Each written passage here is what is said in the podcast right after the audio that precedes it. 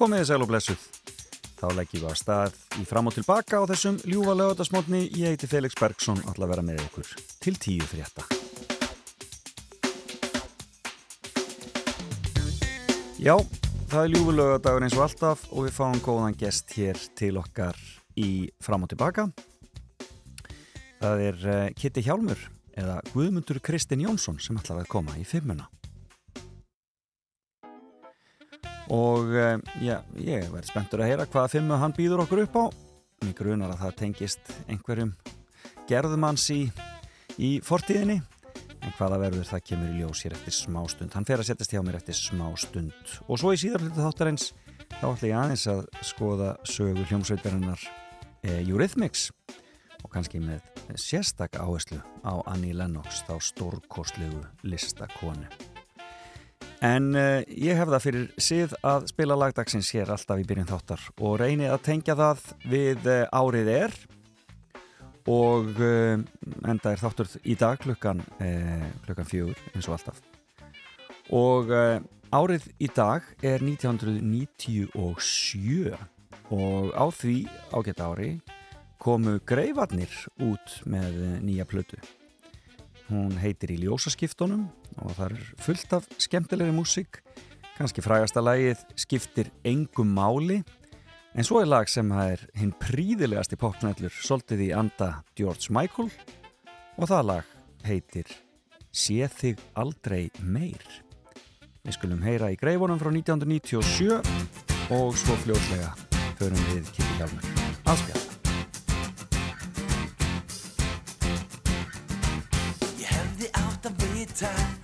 Það hlýtt að koma því.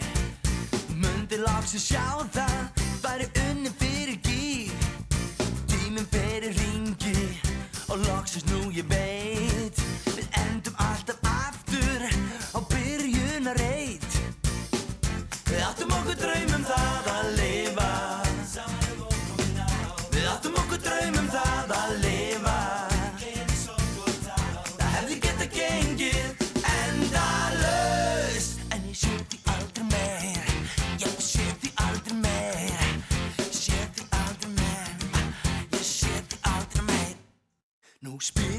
á njánum Er ástu nógu sterk Til að grafa gamla syndir Og sefa hjarta verk. Nú er núið búið Á morgun dagur nýr. Við langar til að sína Það sem í mér býr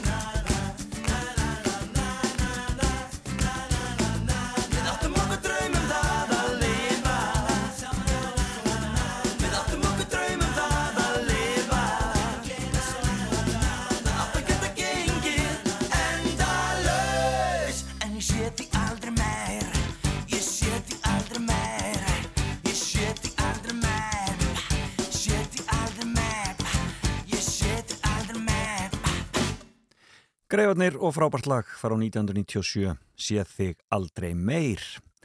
Og viti þarna í fararbrotti en uh, það er komið af því að heyra í honum Guðmundi Kristni Jónssoni að geta hjálmi. Við skulum byrja á að heyra lag með hjálmum. Það er uh, svarið og um, svo byrjum við. Bara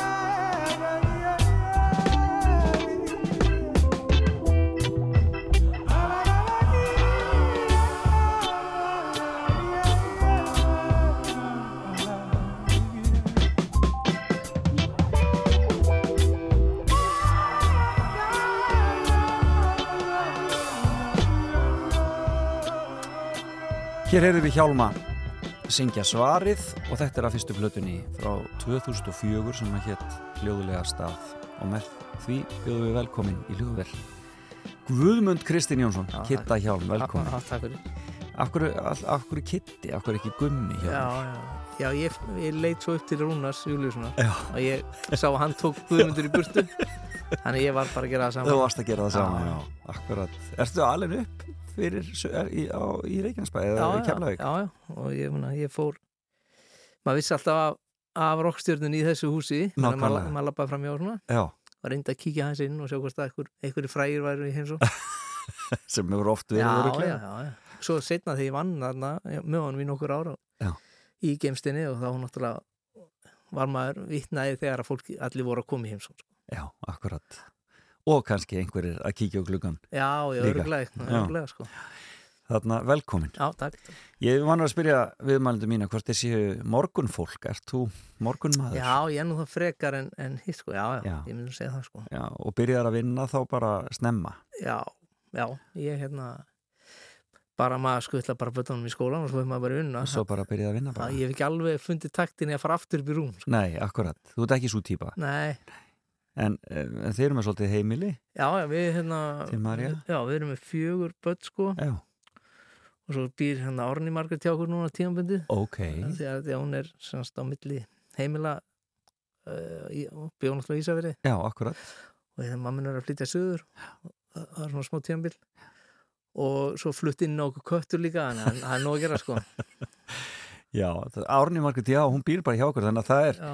svona um, listin og uh, vinnan og lífið einhvern veginn blandast, þetta bara rennur allt saman svolítið. Já, já, það er, samt, það er nú ekki mikil friður til að vera hérna í svona, jú, það er kannski friður sko heima þegar allir eru farnið sko, já. eins og fyrir Árni, þá getur hún verið svona að, að búa, búa til eitthvað og hérna en svona þegar að svona þegar skólinn skólun líkur og þá til að allir eru komnir niður þá, þá er ekki rosalega mikil friður sko. það var bara, það var mikil stemning sko. mikil fjör á heimilinu Heyrðu en ég plattaði því fimmu já. og fimmann þín er uh, hefur einu sinni komið áður já, já, okay. það var valið sport hérna á sínu tíma sem komið fimm mistök okay. En ég er spenntur að heyra, ég vil ekki bara byrja á byrjunni, hver, hvað er fyrsta? Hver, hver er fyrstu mistökin sem þú vilt segja okkur? Já, ég ætla þá að byrja bara á, sko, að því vann hér í nokkur á, sko. Og hérna, ég veit að þú eru á, á. Það er að byrja á mínu mistökum þar. Býttu nú við. Ég á nefnilega, sko, einn ein svona legendary sjónvarsmistök, sko. Í söngakemninni? Í söngakemninni, já. já. Þá var ég hérna svona hljóðmaður og þá var söngakemnin haldinn í háskóla bíói.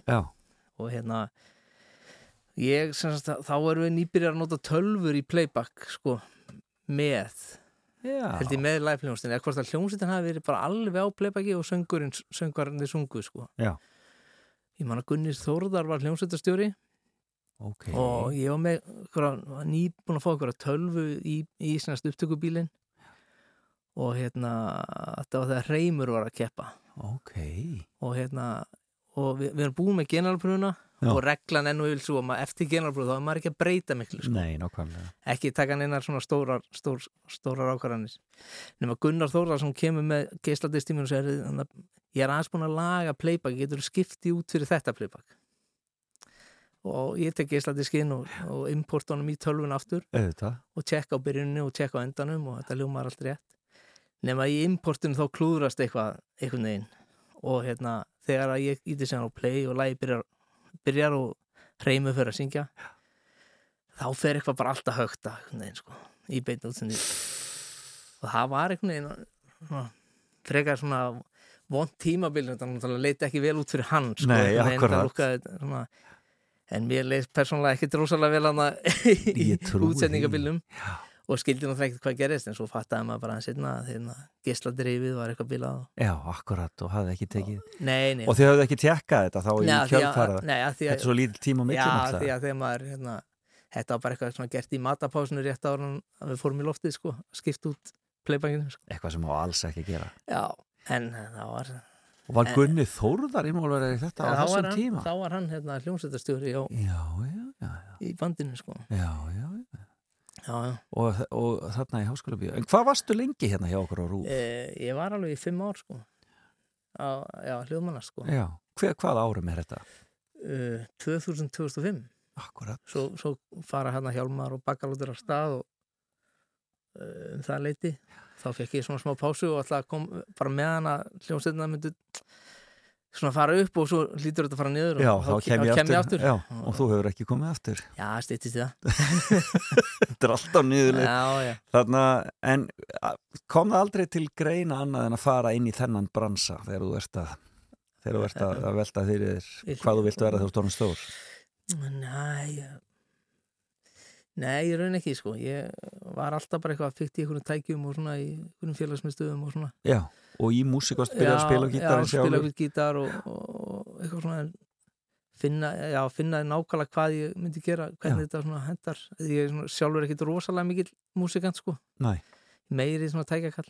Já, akkurat. En ég held að hérna, ég myndi nú alltaf, veist, ég myndi leiðast þér í bar í stúdíónu, Ég skilði, einhvern veginn minnst líka gaman að fara aðeins sjá eitthvað smá byrtu sko. Akkurat og ekki, ekki verra eftir að maður svona fór að ferast um heiminn og svona þá svona. En fóstu þá að lærðir þetta? Nei, ég tók nú eitthvað eitt námskeið og svo svona, valdi ég svolítið svona hvort ég myndi vilja fara að læra þetta eða því mér stóðstu búið að fara að vinna hérna rúf Nei, ég skilði og ég held að það er bara verið nokkuð góður skóli sko. Hérna þarf maður bara veist, þátturum fer í loftið á þrjöðdægin eða veist, þetta þú þarfst að skila og. Og bara mjög góður og skemmtilega tími hérna sko. Synda eða sökva, það er bara Já, svolítið þetta er bara heldur áfram sko. En hvernig tók Reymur þessu þarna á ég, sínum tíma? ég, já, ég er náttúrulega faldi mig bara á- í smá stund og svo hitti ég hann okkur árum setna og, og ég held að við séum alveg, alveg góðum mótar sko. Já, en náðist ekki að þurfti ekki að redda þessu, þurfti ekki að taka þetta aftur eða eitthvað ég svolítið, þið man ekki hvernig var að hvort það- þið sóttu gamla Já. undirspilið og gerðu þetta aftur eða eitthvað já, kannski átti ég það til ég man ekki hvernig þessu var að redda sko. Nei, þessu lítur að hafa verið redda einhvern veginn sko. einhvern veginn hefur þessu verið redda að því að já, ég er ekki sem að ég hefði getað svo, svo auðvöldan hátt sett inn aftur sko, Já, akkurat, á þeim tíma sko. einmitt, þetta er hérna í byrjun, já, byrjun aldarinnar já, Já, já, það var, það er ímislegt sem getur gerst í beinu útsendingu, Já. það er óhætt að segja Já. það Heyrðu, já, það er í söngakefnin í háskóla bíó í byrjun, byrjun. Hvað, var- Hver er næstu mist? Já, ég held, ef ekki bara halda áfram inn í rúf Já, endilega. Við erum hérna, sko Það var hérna, að því að þegar maður, þegar maður er að vinna hér, sko Já. Og ég var þá bara í sjónvarpinu e, Þá hérna e, Sko, ég hafði bara Ég hafði eiginlega bara áhuga að vera að taka upp tónlist, sko. En, veist, í þessu starfi Þá var maður líka með stundin okkar Já, Og já, einmitt. og allt þetta sem það er að gera. Og e, e, einn daginn þá var hérna þá var, er ég bara ma í mat og er að fara að kera út fréttir og þá kemur bara, það er bara rosalega uppgötun hjá Kára Stefánssoni bara bein útsending frá, frá New York. Já, og maður svona hvernig, með eitthvað kjötbólur bara, hvað, engi friður. Og hérna og finniður og ég veginn að ég hef einhvern veginn ekki drosa mikið áhuga á svona hljóðmenn sko. Eitthvað komadóum og já, eitthvað uh, milliríkja sambönd og eitthvað hvað, hvað sem það er. Og hérna, ég vil bara fá gott bassatrómur samt Einmitt. og ég man bara já eins og ég man þetta þá er Kári búið að stilla honum upp ykkur stærn New York og hann er komið með semst, eitthvað í eirun til að heyra spurningarna frá, frá bóga eða hver sem var að spurja hann. Og svo er hann með Mike. Og það sem ég gerir greinlega vittlust þannig er að ég fýta Kári heyrir í sjálfum sér aftur í eirað já, með delay sem er mjög óþægilegt. Sem er mjög óþæl þegar maður er að reyna að svara einhverju spurningum um, um einhverjum groundbringing uppgötun og hérna ég sé svona þegar hann byrjar að svara fyrstu spurningunni Já. hann verður eitthvað svo óþægilegur og Já. rýfur úr sér eirað Já. og hérna klárar að svara spurningunni. Og hérna svo náttúrulega kemur á næstu spurningu þá heyrir hann ekki neitt, hann er búin að rýfa úr sér Já, og þá er verður eitthvað svona fáta á hann hann tekur mækin og treður hann inn í eira á sig og hérna og hérna og, og, og svo fyrir hann að bölva eitthvað var Já. þetta missefnaðis fullkomlega og verður alveg einhvern veginn svolítið svona illur. Og, og ég er svona stekk í, í, í, í svona starfsmannakommandói þar sem Já. við getum talað saman tæknimennir og byggðum að sér stok, stokkið afsakið hlýja og þá er held ég Egil Eðvarsson upptökustjóri. Og segir bara nei, nei, nei, nei þetta er gott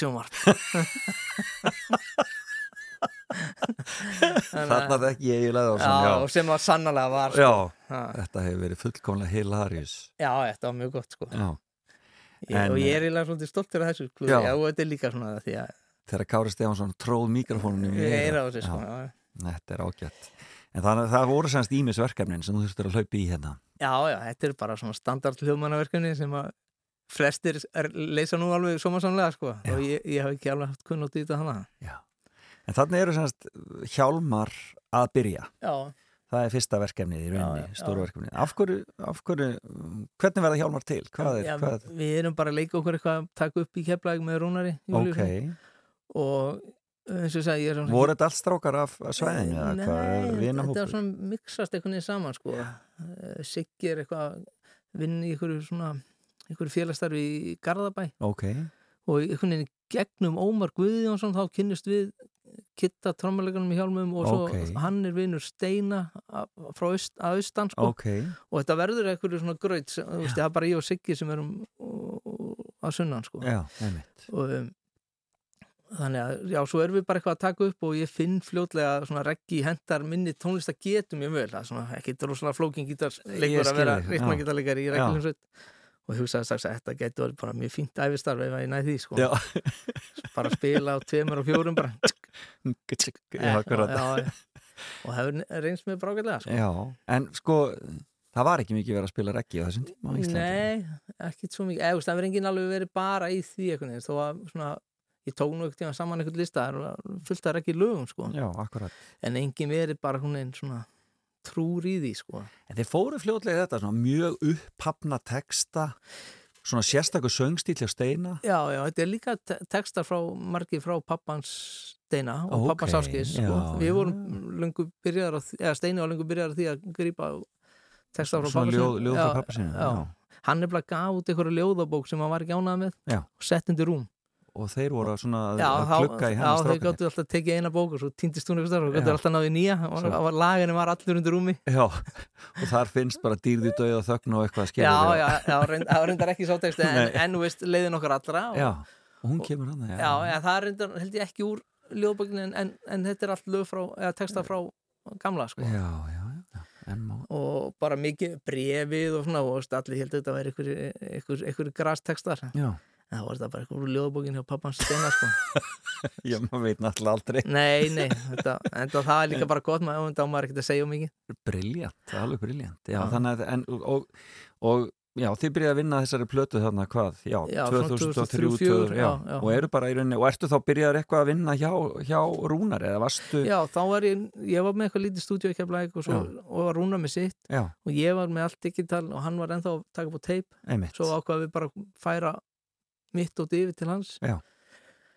og svo vorum við bara hann saman tvei sko, ég var alltaf mættur þegar hann kom úr morgungöngunni sko já, já, og hann fór að tefla og ég fór að gera eitthvað og frábært. drukkum bara kaffi og saman Hvernig, hvernig var Rúnar Júlíus? og það var bara æðislega sko hann var, það var bara einhvern veginn en alveg nákvæmlega svo ég myndi vilja hafa það, sko. Þú veist, það er nóga drastli og mikið plötum og vínil og svona og, og svolítið gaman oft þegar hann tók til sko.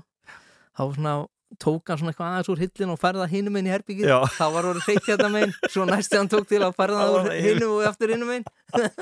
Það er allt sko núna og bara og en aldrei eitthvað stress og það var alltaf alveg óbúrslega hérna góðu fílingur og mikið hleyið og mikið af frösum og svona. Og Marja og fjölskyldan svolítið svona með, já, já, já, þú veist, strákarnir hans náttúrulega komið já. tónlist og full líka. já, já, við vorum bara hana, svona, svona, þetta var eitthvað svona fjölskyldu þetta var svona mikið svona bara stökk alveg upp hérna á þessum tímabili þegar ég var hérna með Já. fullt af plötum sem seldu sprattinu rosa vel og, Já. og rosa gaman Og þarna, og Hjálmar bara slá í gegn, Já. um sögulaust. já, já, þetta er einhvern veginn bara, ég maður nú ekki alveg hvernig það gerist ég held að Guðni Már hafi byrjað að spila þetta hér Já, einmitt. um, já, svo bara hægt og rólega einhvern veginn, gerist þetta svo bara fyrir maður að spila líka alveg endalust Já. ég man að við rukkuðum eiginlega aldrei neitt fyrir neinn gigg eitthvað, þetta, þetta var svo gaman sko það Svo- kem ekki til grein í dag sko Nei.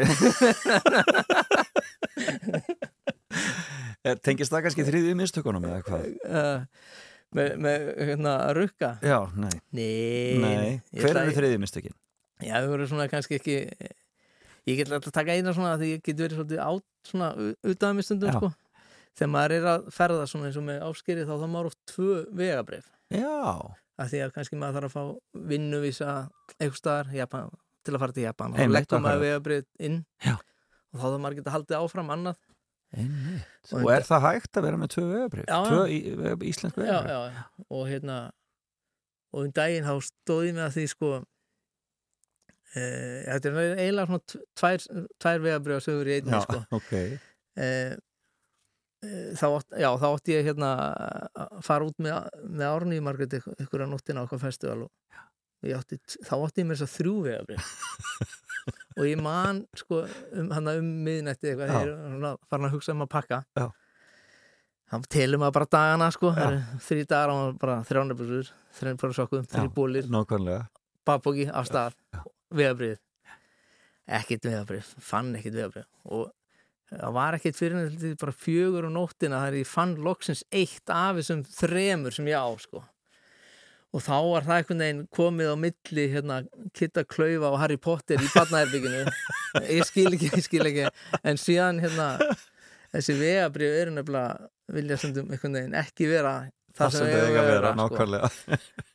Að því að eitthvað með stundum fimm maður ekki alveg nú oft út og kem, þetta var röglega eftir COVID þá maður búin að geima þetta eins og lengi sko. Akkurat, og að unnu svona við að bríða að saga er e, þegar að e, ég hérna, um að spilar í London við spilum í Roundhouse Já. sem tekur þrjúðust og eitthvað manns og, og hérna og hann hérna umbúðsmaður Bjarkar hann sem útgefandi áskil sko sagði maður er eiginlega búin að spila þarna og má maður eiginlega kalla þessi rockstjörni sko. já, akkurat og við vorum rosa glæði loksins að ná hérna Rockstundu status Sundurstatus spilum þetta gig og það var svona smá partí eftir og daginn eftir ekki ekki Liverpool og hérna bara svona sem lýsi Bretlandi því að Bretlandi er svona svæði sem að músikantar finnst yfirlega ekki mjög gaman að ferðast á og spila á sko.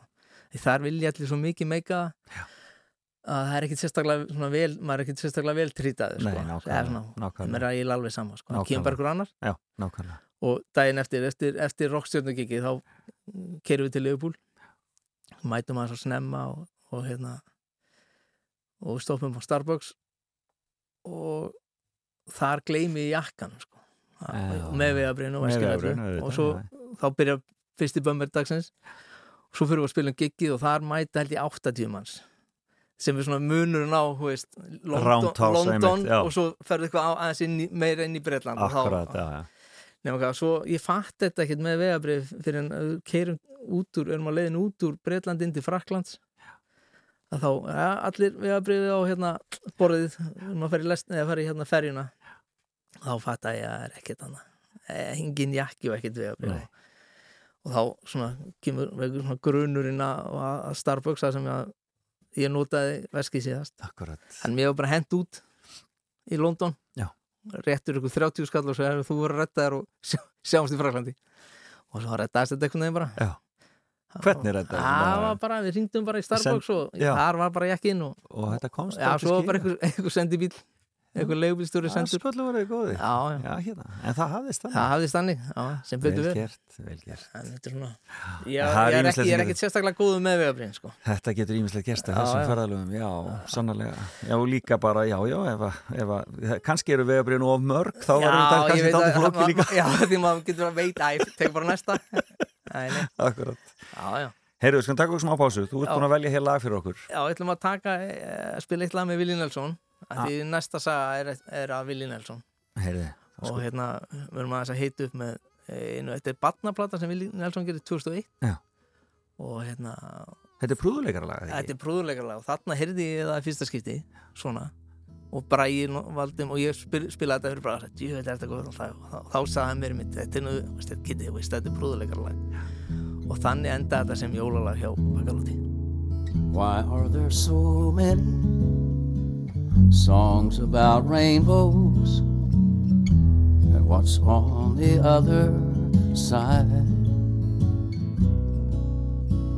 Rainbows are visions, but only illusions. And rainbows have nothing to hide. So we've been told, and some choose to believe it. I know they're wrong, wait and see.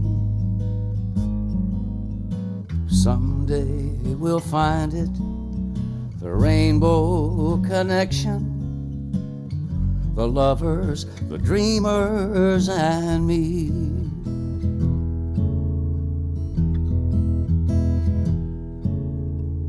who said that every wish would be heard and answered when wished on the morning star. Somebody thought of that, and someone believed it. Look what it's done so far. And what's so amazing that keeps us stargazing And what do you think we might see? Someday we'll find it, the rainbow connection, the lovers, the dreamers, and me. All of us under its spell. We know that it's probably magic.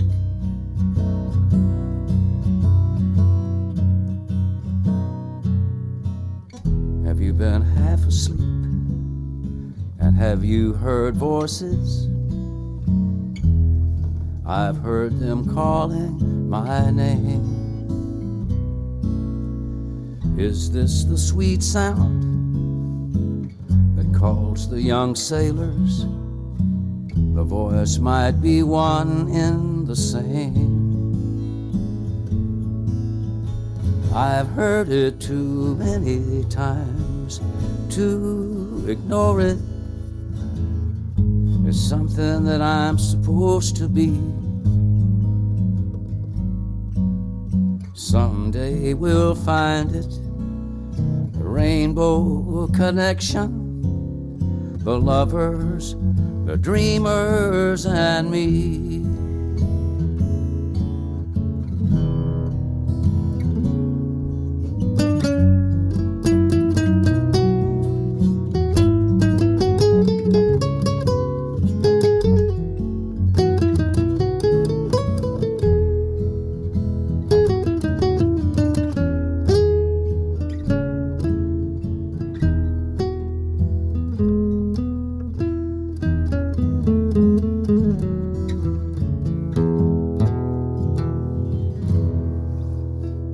Þetta var Willi Nelson og Rainbow Connections og þetta er valviðmelda míns Kitty Hjálmur, Guðmundur Kristinn Jónsson hérna hjá mér og þetta er lag sem að, já, tengist að mistökum voru þetta einhver mistök? Já, já svona sem ekki, ekki þetta voru kannski var kannski ekki mistök en sko ég á smá sögu af Willi og ég veit ekki hvort að fólk átti það ég er reynda búin að vera mikill talsmaður Willi Nelson í nokkur ár sko því ég, ég er semst, já, ég er ofinberlega aðdóðandi Willi Nelson. Já, og hef verið að sapna semst Willi Nelson plötum og, og hérna og ég tók mér sem er þess að til um daginn og fann lista, hann er heldur búin að gefa næst í 100 plötur sko af hverju ertu svona mikið aðdáðandi? Hvað er að vera? ekki alveg, það, það, það er eitthvað í röddinni er og- alveg og- rosaleg hlýja er þetta, hann er svo góð sögum Já, og svo er, er náttúrulega held ég sé engin gítarleikari betri en Willi Nelson Það er bara svoleiðis Já, hann- okay.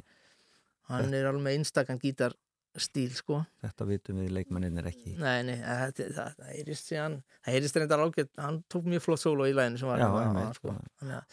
Já, hann er mjög góður og hérna, ég fann lista á netinu sem var sko hundrað eða allar plötur vilji nema það eru, eru svona settar í röð eftir hvað eru góðar Já, og ég ákvað að byrja alla mótna á því að hlusta á einu plötu og byrja bara vestu og svo spurðist þetta út og fólk var að fara að koma í kaffitímin í hljóður já, til að tekka á hvað plötu ég væri og, og svona sjá hvar við værum í þessu sko. og þetta var alveg mjög skemmtilegt svona framan að meðan að plötunar voru alveg svona einhvern veginn það eru geta verið alveg rosalega akkurat en svo er náttúrulega þessar bestu alveg geggaðar sko. mm þannig að ég er búin að fara svolítið mikið inn í, inn í Willi Nelson heiminn sko. og þegar við ásker vorum að byrja í að, að fara inn á bandaríkjamarka nýbúin að skrifa til samningu Columbia Records Ok, og þá uh, segir kanninn sko, maður verður að vera með amerískan umbúsmann í Ameríku sko. Veist, við Marja vorum bara managera ásker já, Worldwide, einmitt, einmitt. en við, ég var eitthvað sagt að verður að vera amerískur umbúsmaður Já.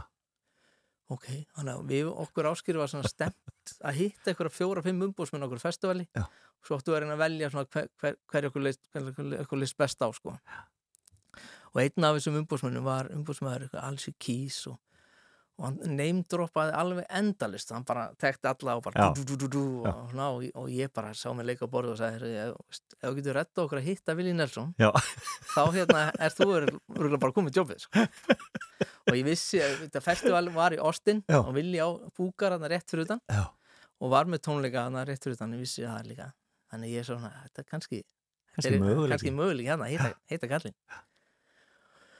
og hérna, Guðurinn bara byrjaði símanum og svo bara segja, "Herru, við bara kíkjum á hann á morgun. Og bara við, sem enda bara nokkur svona klukkundur setna var ég komin í skotti á okkur pallbíl og leiðin á búkarinn hjá Vili og áskrift hljómsveitin sko. og hérna svo bara nokkur svona kortirum síðan eitthvað, þá vorum við bara komin inn í hann að búkarinn og svona að drekka moonshine og og ég var reyndar alveg rosalega djettlagt ég var rosalega, ég var svo erfð með að halda mig vakandi ef ég þreyttu sko, Já, en ég var ekkert rosalega velur blæður, svolítið svona hægur.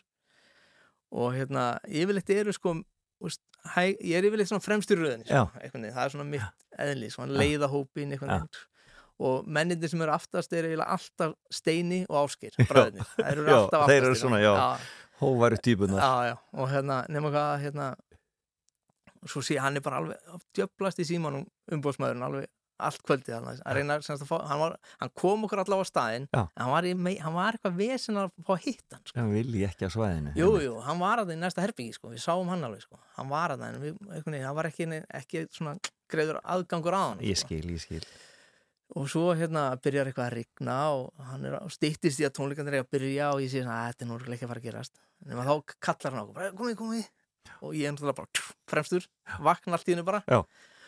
Moonshine farið að kikka inn einhvern veginn. Og hérna og svo er hérna e- er hann hérna e, er ég bara fremstur. Og, þ- og þá allt í hennu snýra sig við fyrir getur hinn áttina. Og hann stekkur fram og þá er ég orðin aftastur. Ég og Steini og Áskei fremstir. Og svo kem, komum við að einhverju hurð og þá kemur ykkur að segja bara tveir inn. Og Steini og Áskei fóru inn og hittu Willi og, og ég var á glugganum ég stóð á glugganum og í rigningunni og horfði á hana Akkurat já, Þetta er verið eins og atrið og prúðuleikur Já, já, ég, ég, en, en svo hugsaði bara maður á ekki aldrei að hitta heitjuna sinna sko. Nei, en hvað sögðu strákanir? Það ekki verið Já, gaman að hitta? hann var bara mjög gaman og Já. með þetta og, og, leiðum að smakka það sem hann var alltaf með Já. og það var bara fílingur Já, þeim, svo fór ég bara á, og, og, og, svo, Aftur á pallbílinn. Nei, nei, nei, svo fórum við á tónleika með Vili og hann byrjaði á hann að Roll me up and smoke me when I die. Já. og svo var bara gaman. Ha. Þetta var alveg ógleymalegt kvöld sko. En þú hittir ekki villi Nei, ég náði ekki alveg að hitta hann.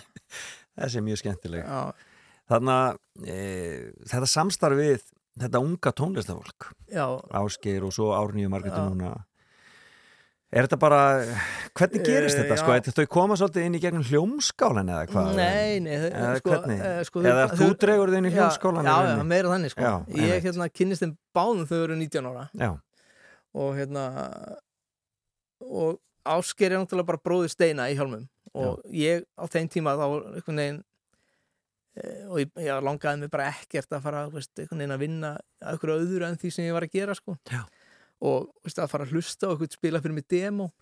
Veist, eitthvað sem, sem situm má, má þessi koma og spila fyrir lag já, það er eitthvað sem, aðstæða sem þið langar ekkert að vera í því að nei, veist, 99% að ég er Ekki þann- ekki, sem það langar að vinna með nei, og, og ennú veist þegar Steini byggðum að hvort að bróðum má koma eða eitthvað þá segir maður bara já. Og, Þá er hann í hljómsveitan á þessum tíma? E, já en hann, þá var hann byrjar að gera eitthvað sólóstöf Ok, og var hann að byggja mig um að hlusta á það sko. Já.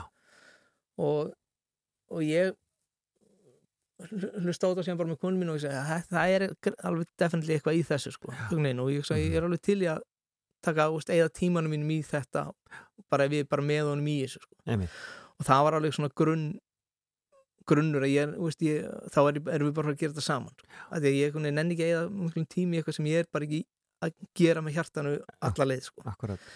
Og við höfum bara ennþá að vinna saman í því og í rauninni var þetta bara að mínu aðal starfi síðan. Akkurat. Sumargestur náttúrulega bara kemur inn í hljómskála og Já. komið þér á óvart hvað þetta sprakk rosalega Já, út ég þarna. meina það veist, á þessum tíma punkti er fólk bara að tala um að geisladiskur mun aldrei seljast aftur Já, eða músík veri búin Já, veginn. einmitt. en það var ein eftir einhvern veginn. Þetta var svo síðast Já. akkurat. Það var og, rosalega og, og er ennþá bara að seljast tíu ára setna alveg svakalega og, og menna, við erum ennþá að ferrast um heiminn og spila þessi lög og, og, og, reyna að gera eitthvað skemmtilegt sko. Nákvæmlega og gengur vel ennþá. Já, ég menna við fórum til Ástralíu þessu ári og Nýja Sjölands og Japans og... og svo er það Sinfo hérna á Erfi Sérst Já. þú með í því? Nei, að- Ásker er bara einn að spila með sem fóð en ég ok. er bara með því að pródusera það og, haldi utan Og að hver það og- útsetur það allt? Það er bara alls konar fólk sem Segja það semst fyrir Já, já, hlustandann, já, já Skrifar út Já. Magnað.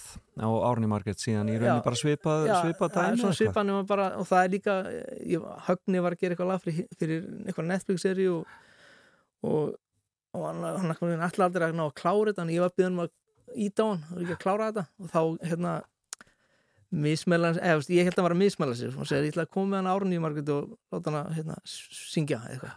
Þá held ég að þetta væri GTRN sem átti að koma til að syngja lagið sko, hann væri bara rugglast og þá var ég aftur látin það kemur ykkur að spila fyrir mig og það er eins og segi, það er ekki það sem hún vil sko. En ég heyrði reyndar strax þar líka að það var eitthvað sem að heita, eitthvað svona ex, Sem höfðaði til þín. já, bara höfða til mín og líka bara svona, hún er að segja mér sögu sem ég trúi Já, ég og þegar það er að þá hérna hlusta, hlusta maður hérna. Akkurat, briljant. Já, frábært. Síðustu mistökin. Fymtu mistökin. já, já, já, já, hún tengist aðeins þessum ferðalögum áskeri sko. það, það er hérna þegar maður ákveður að spara í, í flugfargjöldum einhvern veginn. Og eh, yfirleitt sendi maður oft dóti bara undan sér sko. Já, en þarna gáttum við ekki sendt dóti undan okkur heldur þurftum að hérna, taka það með okkur að því við áttum að spila á festivali kvöldi áður svo áttum við að fljúa til Ástralíu. Þannig við spilum í London og svo bara taka 30 eitthvað töskum með okkur út á flugvöld, fljúa til Ástralíu. Og við erum hann að ég og túrmannitinn stöndum hann við e, og, oftast er þetta bara reikna hvort með marga töskur, Já. bara sinnu 7.000 eða sinnu. 10.000 eða eitthvað. Nema hann, eh, starfsmæðurinn var ekki alveg í nógu góða skapi og fyrir að reikna öll kílóin og það er bara er þetta með kíló og, svona, og, og svo eftir smástund og þá svona, lítum við hvern á annan og séum bara þetta er, þetta er, og ekki þetta er enda vel.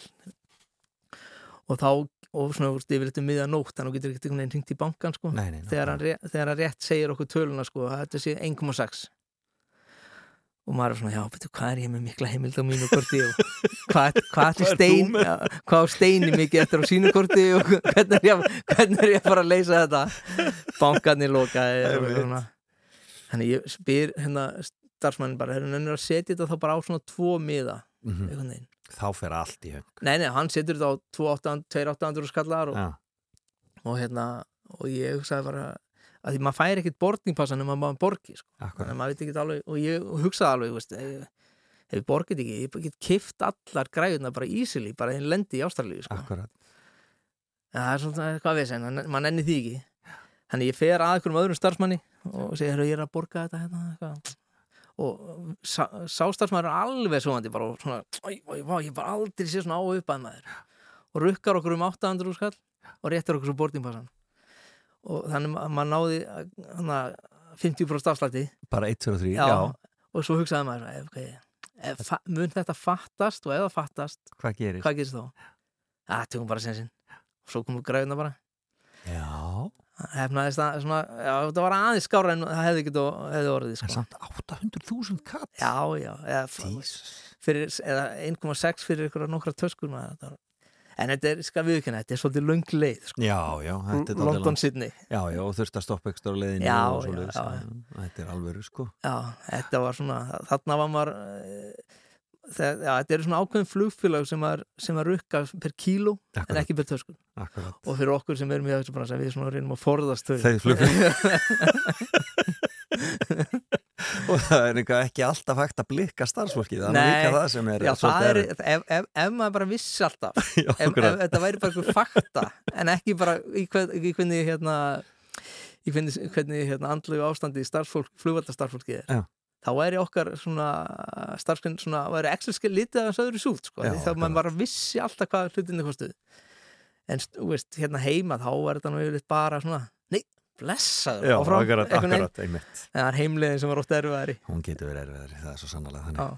Heyri, þetta er að tíminn alveg flóðin frá okkur. Mistökin 5, það var þegar þú uh, klikkar á reymi í söngakefninni. það var beina útsendingin hans Kára Stefansson þegar hann tróð mikrofónum í eirað. Já. Það var vegabrið af æfintriði til Liverpool á Starbucks. Já. Willi Nelson þegar þú hittir hann ekki í já. Og svo þegar þú átt að fara að borga 1,6 miljónur fyrir 30 töskur til Ástralíu. Þetta er alvöru. Já, smá veisin Eh, í lokin, Baggalútur er að hug, hugsa sér til reyfings einaferðina en hvernig dast inn í það dæni? Já, já, ég veit ekki hvernig ég fór ég kom langsíðastur inn í það Já, einmitt.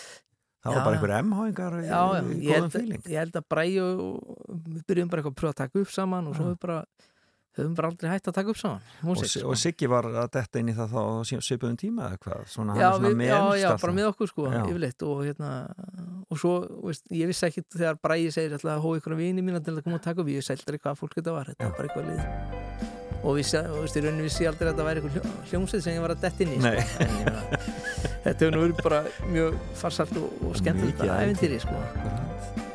Kæra þakki fyrir spjallið,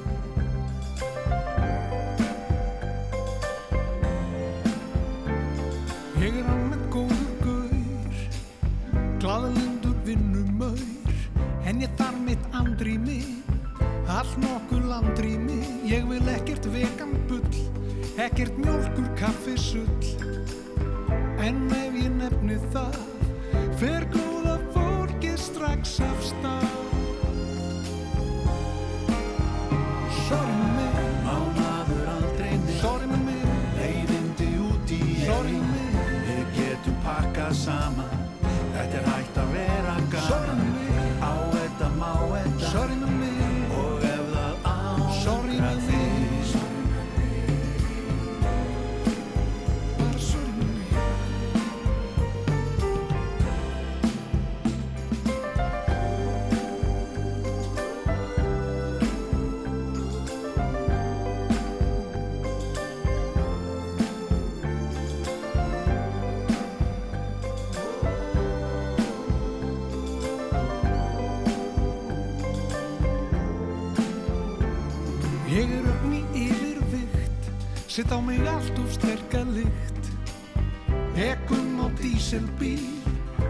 hann á fínum díl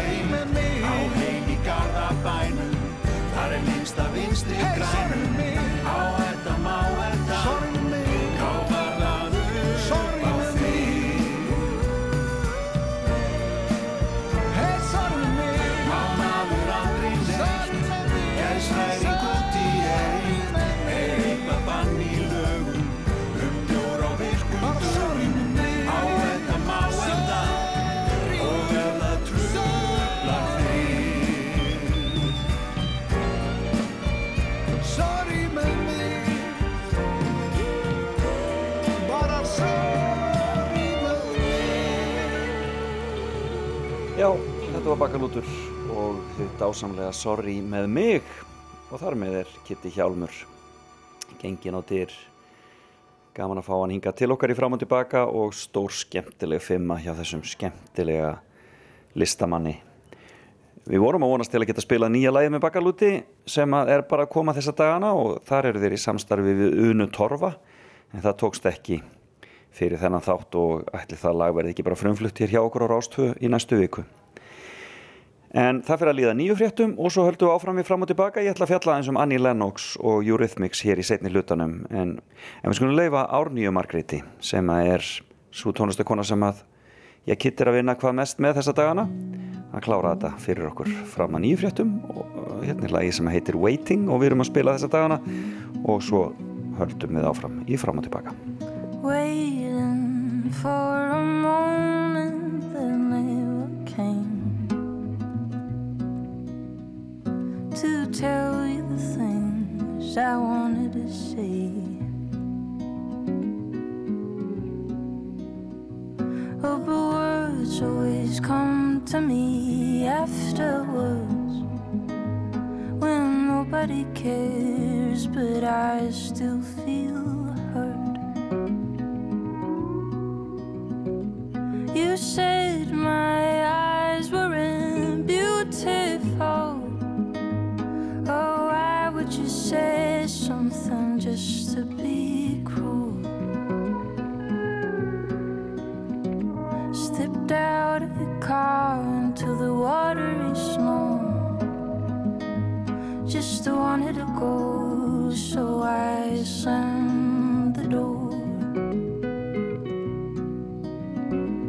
So I spend my time waiting with all of the things that I am. And it's all so frustrating.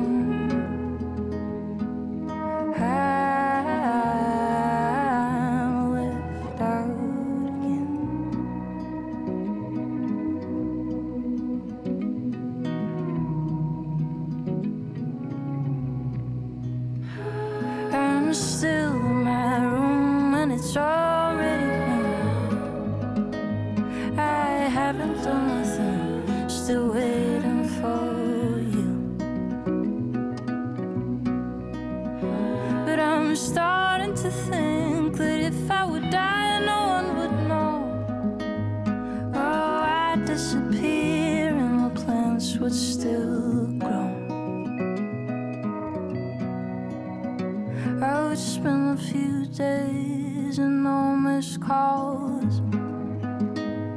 Just to me and my mind to talk through it all. But it only gets darker as the days go by.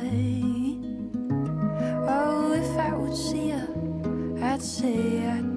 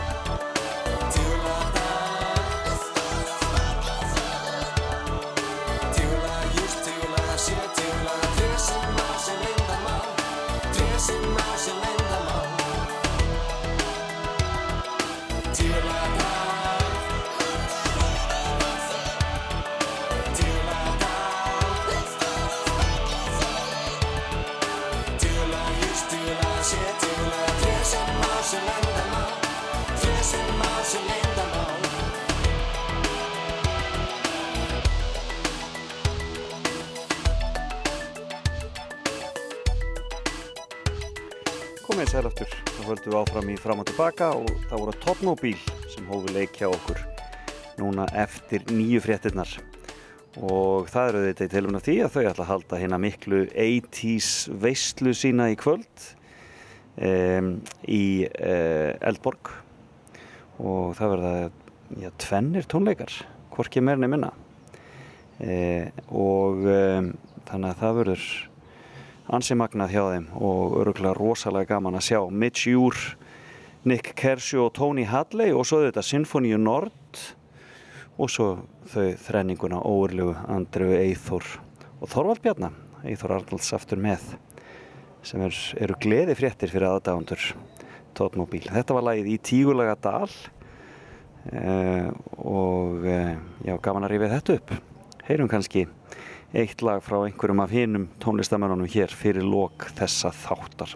Já, en þér að hlusta á þáttin fram og tilbaka. Ég heiti Felix Bergsson, alltaf með ykkur hér á lögutarsmótnum og það fyrir að líða því að ég ætla aðeins að líta á uh, sögu Annie Lennox og Eurythmics hér á eftir. Þetta er svolítið 80's dagur hjá okkur, kannski svona í tilöfna þessari 80's veistlu hjá Tóttmóbíl í kvöld.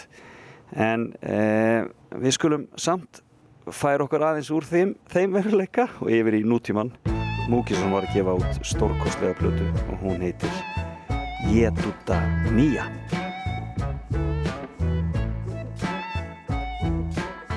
Sé lífið sjálft, lof og dýr Og ljósið í þér, sama hvernig þú snýr.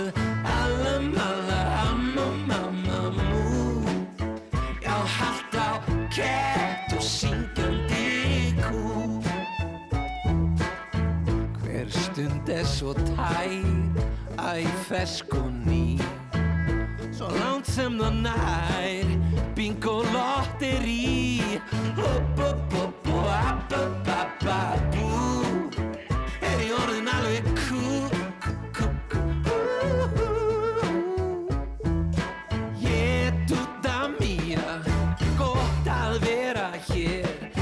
Til sjensin bara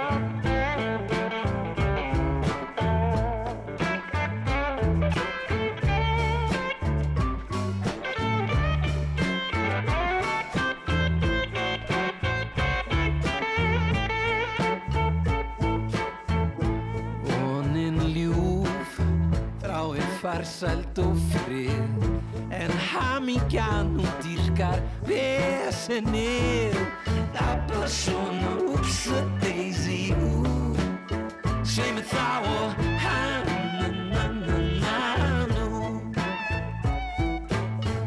Ég trú á ástina Hún bjargi mér. Eins og snáka ólíur og engi fer allow.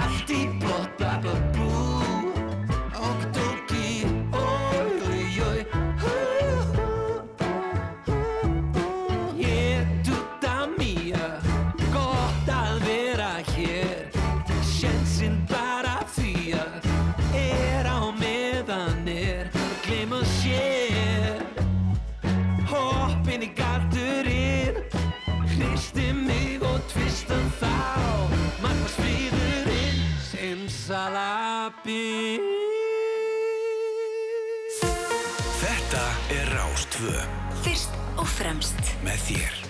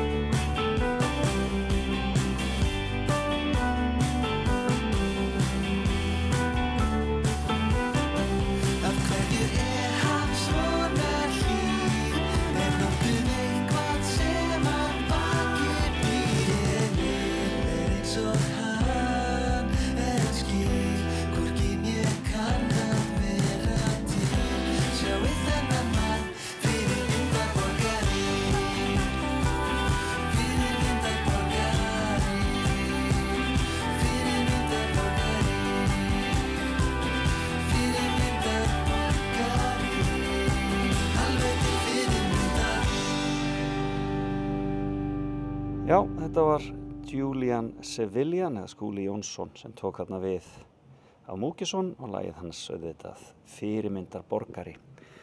En það var ansið mikið kólnað á landin okkar góða þessa vikuna og um, já, veður verið válind, svo ekki sem meira sagt. Nú er bara komin svo tími að það verða allir að fara varlega hvar sem þeir eru. E, passa vel upp á sig og sína og fylgjast vel með veðurspám ef á eitthvað að halda af stað út úr bænum eða eitthvað slíkt. En já, ég sagði að það væri svona hálgerð 80's veisla hjá mér í dag, svona í tilöfna af 80's veislu tótmobil í hörpu í kvöld. Alltaf vittlust í menningarlífinu, það er svo mikið í gangi. Ekkert nefn að skemmtileg verk á fjölunum og flottir tónleikar.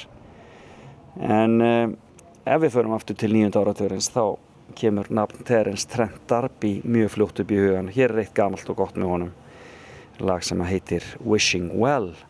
Og svo eftir auðlýsingar þá ætlum við að, að skella okkur í að reyfja upp sögu Annie Lennox og Eurythmics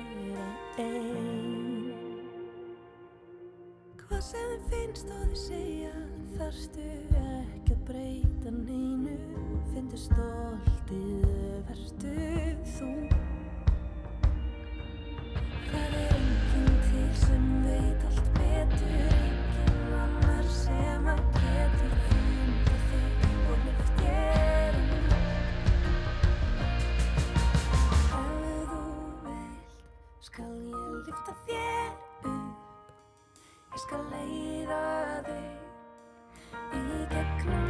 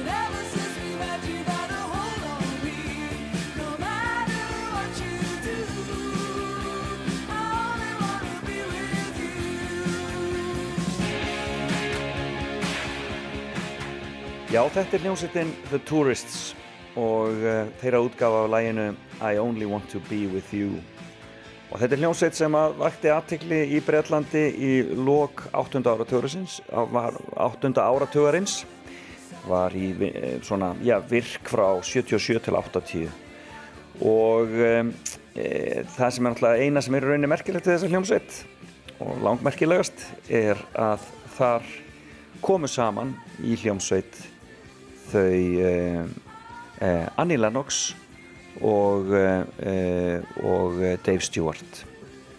Og setna urðu þau auðvitað hljómsveitin Eurythmics.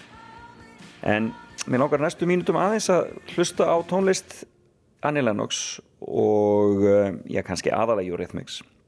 Og reyfja upp feril þessara stórkostlegu tónlistakonu sem hefur haft svo mikil áhrif á, eh, á já, núverandi poptónlistasenu með eh, framgöngu sinni söngstíl og eh, já, hún var bara einn helsta svona fyrirmynd ungs fólks uh, í uh, lok 20. aldarinnar en hún var, hún fættist á, á jóladag árið 1954 í Aberdeen í Skotlandi hún er semst skosk uh, og og ólst þar upp en það var á 8. áratunum sem hún kemst inn í Royal Academy of Music í London þar sem hún lagði stund á nám e, í flautuleik og píjánuleik e, og e, og og fór þar, semst fluttist til London, semst kornung, hann er rétt rúmlega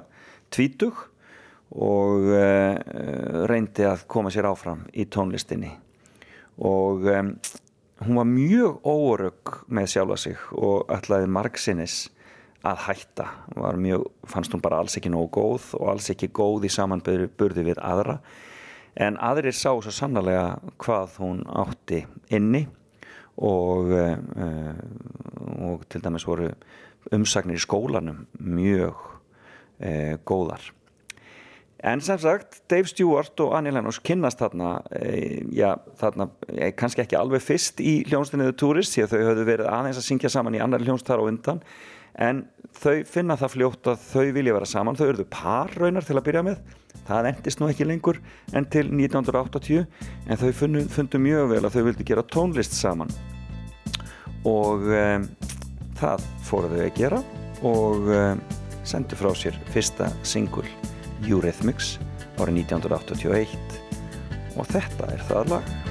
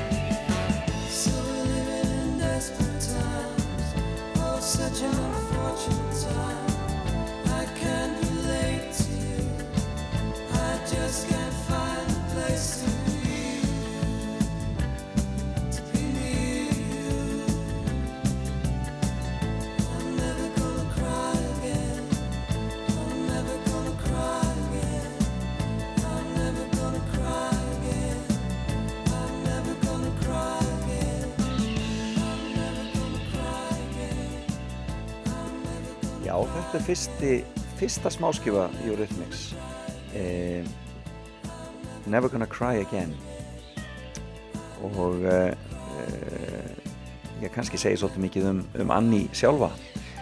Þetta var rosalegt strökk hjá þeim til að byrja með. Þau eh, voru ákveðin í að meika það vildu gera það gott og þau byrjuðu til dæmis að því að eignast græjur sem var mjög óvennlegt þessum tíma. Þau vildu fara í svona elektróniska tónlist þau vildu fara úr svona rockinu og punkinu sem þau höfðu verið í þetta með The Tourists. Um, um, en þau uh, já, en þau vildu sem sagt svona fara í meira elektróniska tónlist komið sér upp sínu eigin stúdíu sem var doldið óvennlegt þessum tíma svona til að geta unni í sínu efni en þau gerðu allt sjálf. Þau rótuðu sjálf þegar þau voru að halda tónleika. Þau sáum öll kynningamál þau gerðu allt sjálf og það endaði uh, næstu því með ósköpum. Því að hérna, Anni fekk taugafall þarna á þessum tíma í þarna byrjun nýjönda áratörins kringum 1981 og uh, Dave lendi á spítala með samfalli lunga hvorki mér en minna, það virtist ekkert vera að ganga hjá þeim og ekki einu sinni þó að þetta lag kemur út árið 1982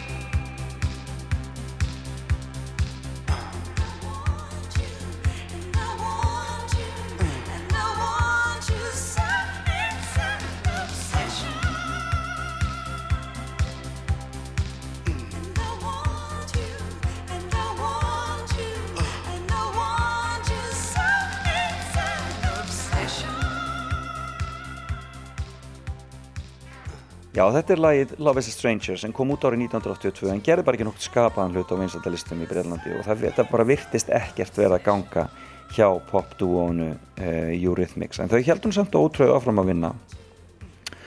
Og uh, árið, já, bara í janúar 1983 kemur út plata sem átt eftir að breyta öllu. Fyrsti smellurinn af þeirri plötu var risastór og Annie Lennox var bara strax orðin þarna já, e, einn stærsta popstjarnar í heimi sem sagt þarna í byrjun ás 1983 eh, Love is a Stranger var líka endurútgefin eftir að þessi plata kom út og þá slóðaði í gegn.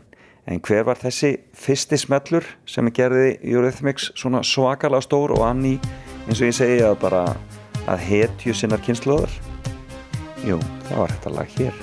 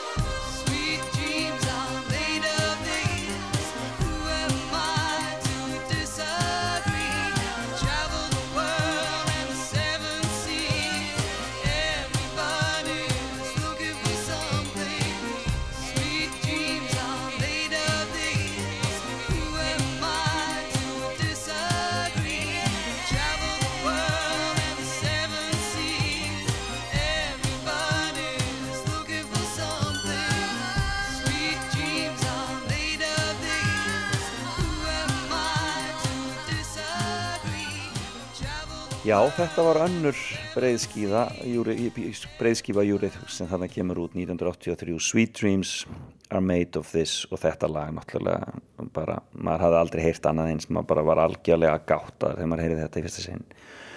Og um, þau fóru á topp vinsaldalista út um allan heim eh, um leið. En fyrirplatan sem hafði komið þarna undan 81 hétt In the Garden en eh, hún áttu auðvitað eftir að byrja að seljast þeirra eftir að þessi plata kom út eins og, eins og vera ber. En nú voru uh, Dave Stewart og Annie Lennox búin að finna uh, bragðið að, uh, að velgengninni. Og þau fóru beint í stúdíó og unnu næstu plötu sem kom síðan út bara í lok þessa sama ás 1983 og súplata hér Touch og, uh, og það má segja að, að, að Eurythmics æðið hafi haldið áfram. E, og e, við myndböndum við, við e, lögin á Touch til dæmis Who's That Girl koma við sögu fjöldin allir á yngri og eldri breskum tónlistamönnum til dæmis Marilyn og meðlimir Bucks Fizz. Marilyn kannski svona fyrst í svona trans einstaklingurinn sem að fólk var að sjá uh, og það var greinlegt að Dave Stewart og Annie Lennox voru einhvern veginn í miðjun á henni mögnuðu tónlistasenu Lunduna þarna á miðjum eða á nýjunda áratugnum.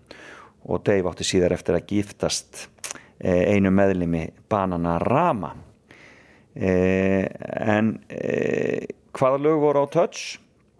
Jú eh, það er nú til dæmis eh, Here Comes the Rain Again og svo þetta stórkostlega lag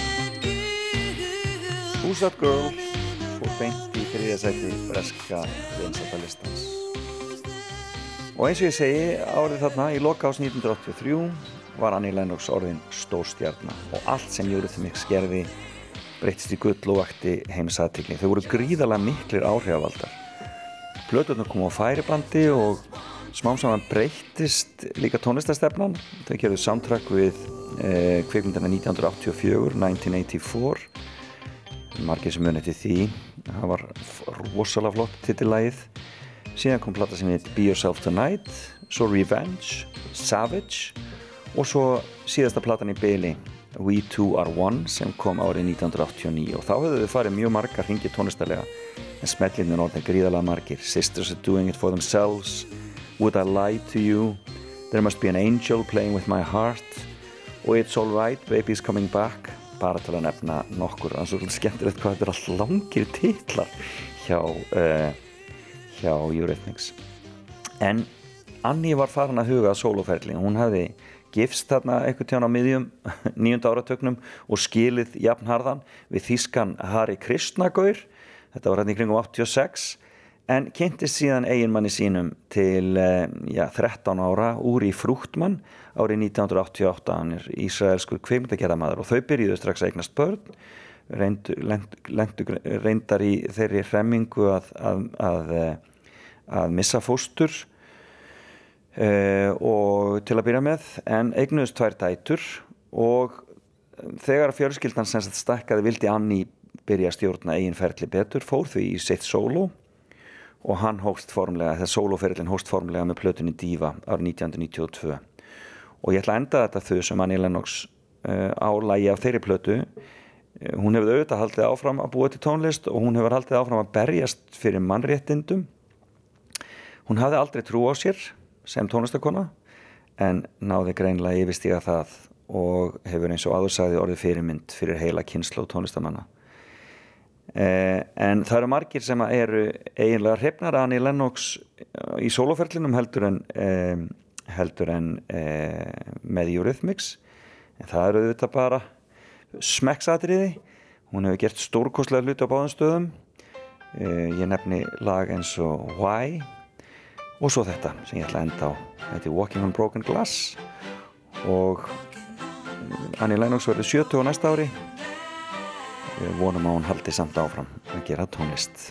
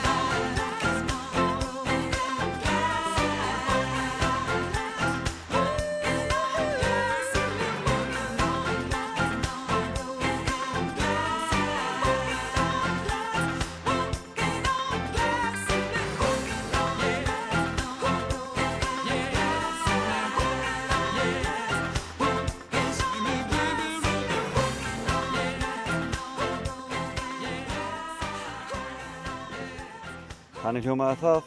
Walking on Broken Glass söng Annie Lennox svo mikla stjarnar hana langar með að sjá á tónleikum. Einhvern góðan við þetta kannski Þorvaldur Bjarni geti ferð að vinna í því. Sjá Annie Lennox og Andreu Gilva saman á sviði. Það væri held í draumur margara e, en e, þetta er búið hjá mér í dag.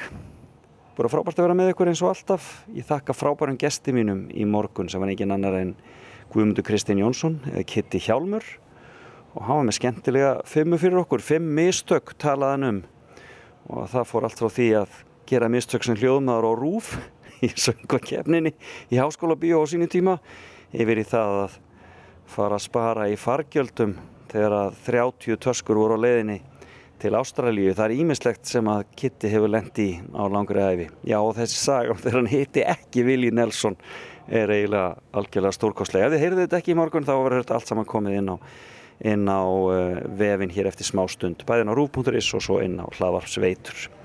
Uh, við síðan eins og ég áður segði skoðum sögu Anja Lennox uh, spiluðum sem á Tóttmóbíl og endum þetta nú hér með Tony Hadley og Spandau Ballet hljómsveitinni sem var til árið 1979 eh, tengd eh, hinnum rosalega já, áhrifamikla stað í London, The Blitz.